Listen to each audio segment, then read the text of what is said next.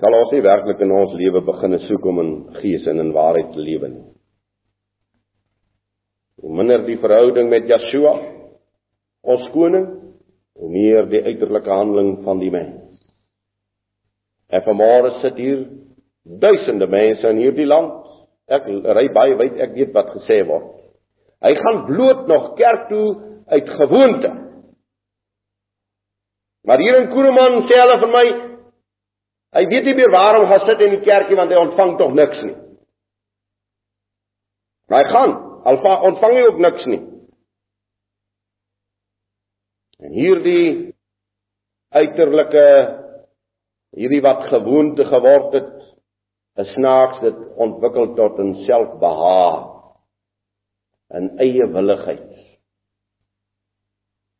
Jeremia sê in vers 10, die tweede gedeelte, kyk, die woord van Jawe is vir hulle 'n smaad.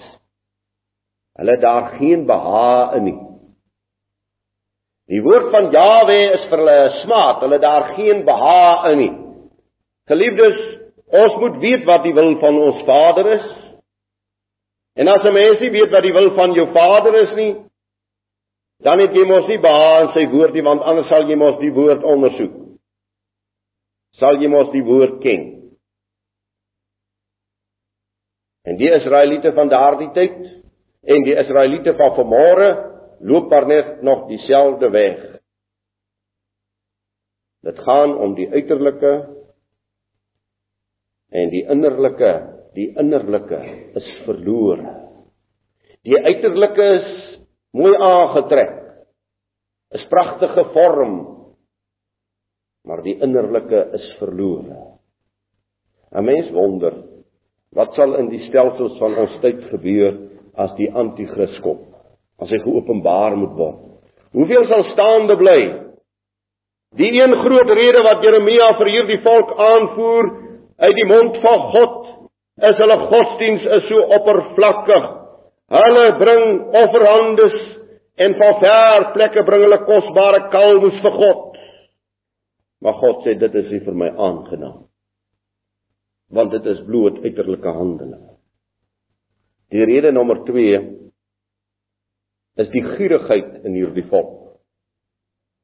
Nou geliefdes, dit maak nou nie vir môre saak of dit politiek is en of dit godsdiens is of dit gelykheid is en broederskappe, oorlog en vryheid, beskerming van sogenaamde regte, die uitloop onder allerlei mooi woorde is geld, goud, olievelde heerskappy.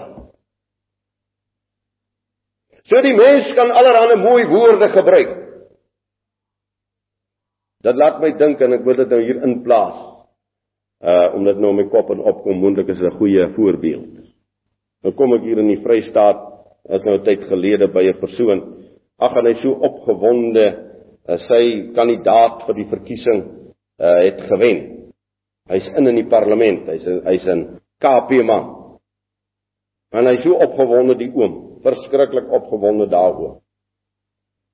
Ek sê oom, jy het baie hard gewerk en baie gegee ook. Hy sê ja. Ek sê nou die man sit nou daar in die parlement, wat het hy nou al vir jou of vir jou gedeelte hier gedoen? Ek sê nee my oom, jy het net baie hard gewerk, laat nagte en hy sit daar daar aan die ander kant, hy kry 'n lekker groot salaris en hy het geen bekommernis verder nie. As een ek skerp gaan kyk, dan moet ons kyk, waarom gaan dit in die lewe?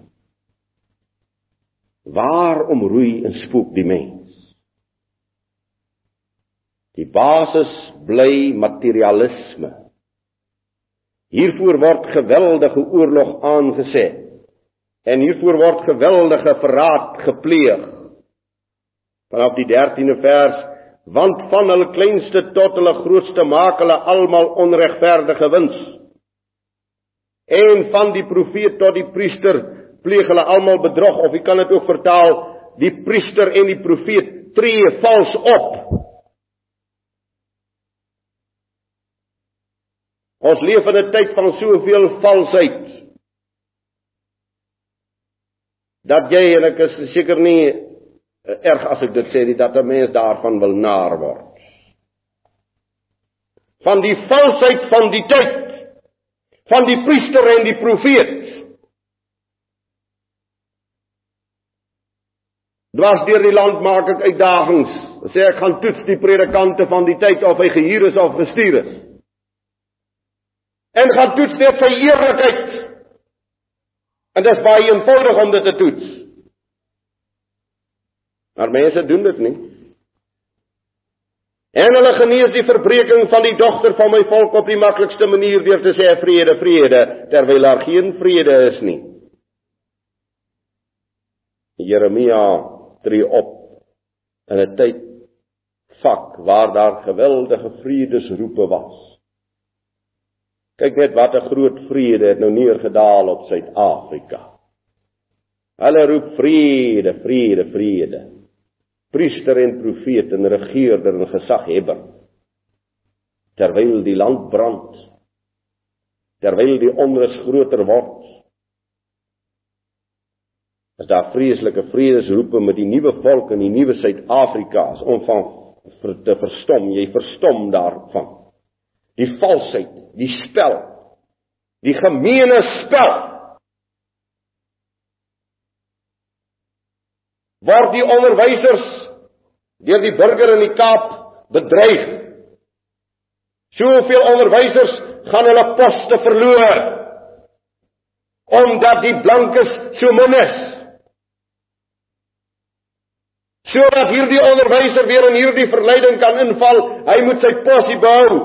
Hy moet sy lewensstaak volvoer, so hy sal maar instap in 'n gemengde skool as hy net kan salaris kry. Word ons mense ingedwing? En net daar in ons mense in materialisme posgevat geliefdes waarvan God alleen ons kan verlos. Vir hierdie materialisme wat opgekom het in die hart van hierdie volk is daar allerlei soort verraad. Sal die volk uitkom by Jesaja 18 Waar God Jahwe sê, hierdie dogter van Sion in Suid-Afrika, sy sal haar offers bring. Sy sal haar offers bring. En nou kan ons maar wat vanmôre hier sit en sê ja, maar ons het nou ons al bietjie onttrek van hierdie volk. Ons is nie meer so deel van hierdie volk nie. Ons het al uitgevlug uit Babylon. Geliefdes, kom ons word maar eerlik met onsself. As God Jahwe deur sy wonderlike genade nie baie dinge in ons harte gaan doen nie, sal ons saam met hierdie volk ondergaan. Ek herhaal, as die Vader deur sy groot barmhartigheid in in jou en my hart nie groot wonders gaan werk tot waarheid tot geregtigheid tot korrektheid nie, sal ons saam met hierdie volk in hierdie land ondergaan. Al staan ons nou vanmôre eenkant en sê ons is Israel. Dan het dan nie sommer hier in die vorige hoofstukkie waar die vaders sê hoe dat hulle uitroep die huis van God is dit, die huis van God, maar hulle is nie in die huis van God nie. So ons moenie uitroep ek is Israel, ek is Israel, maar ek lyk en leef en reageer nog net soos die mens daarvan.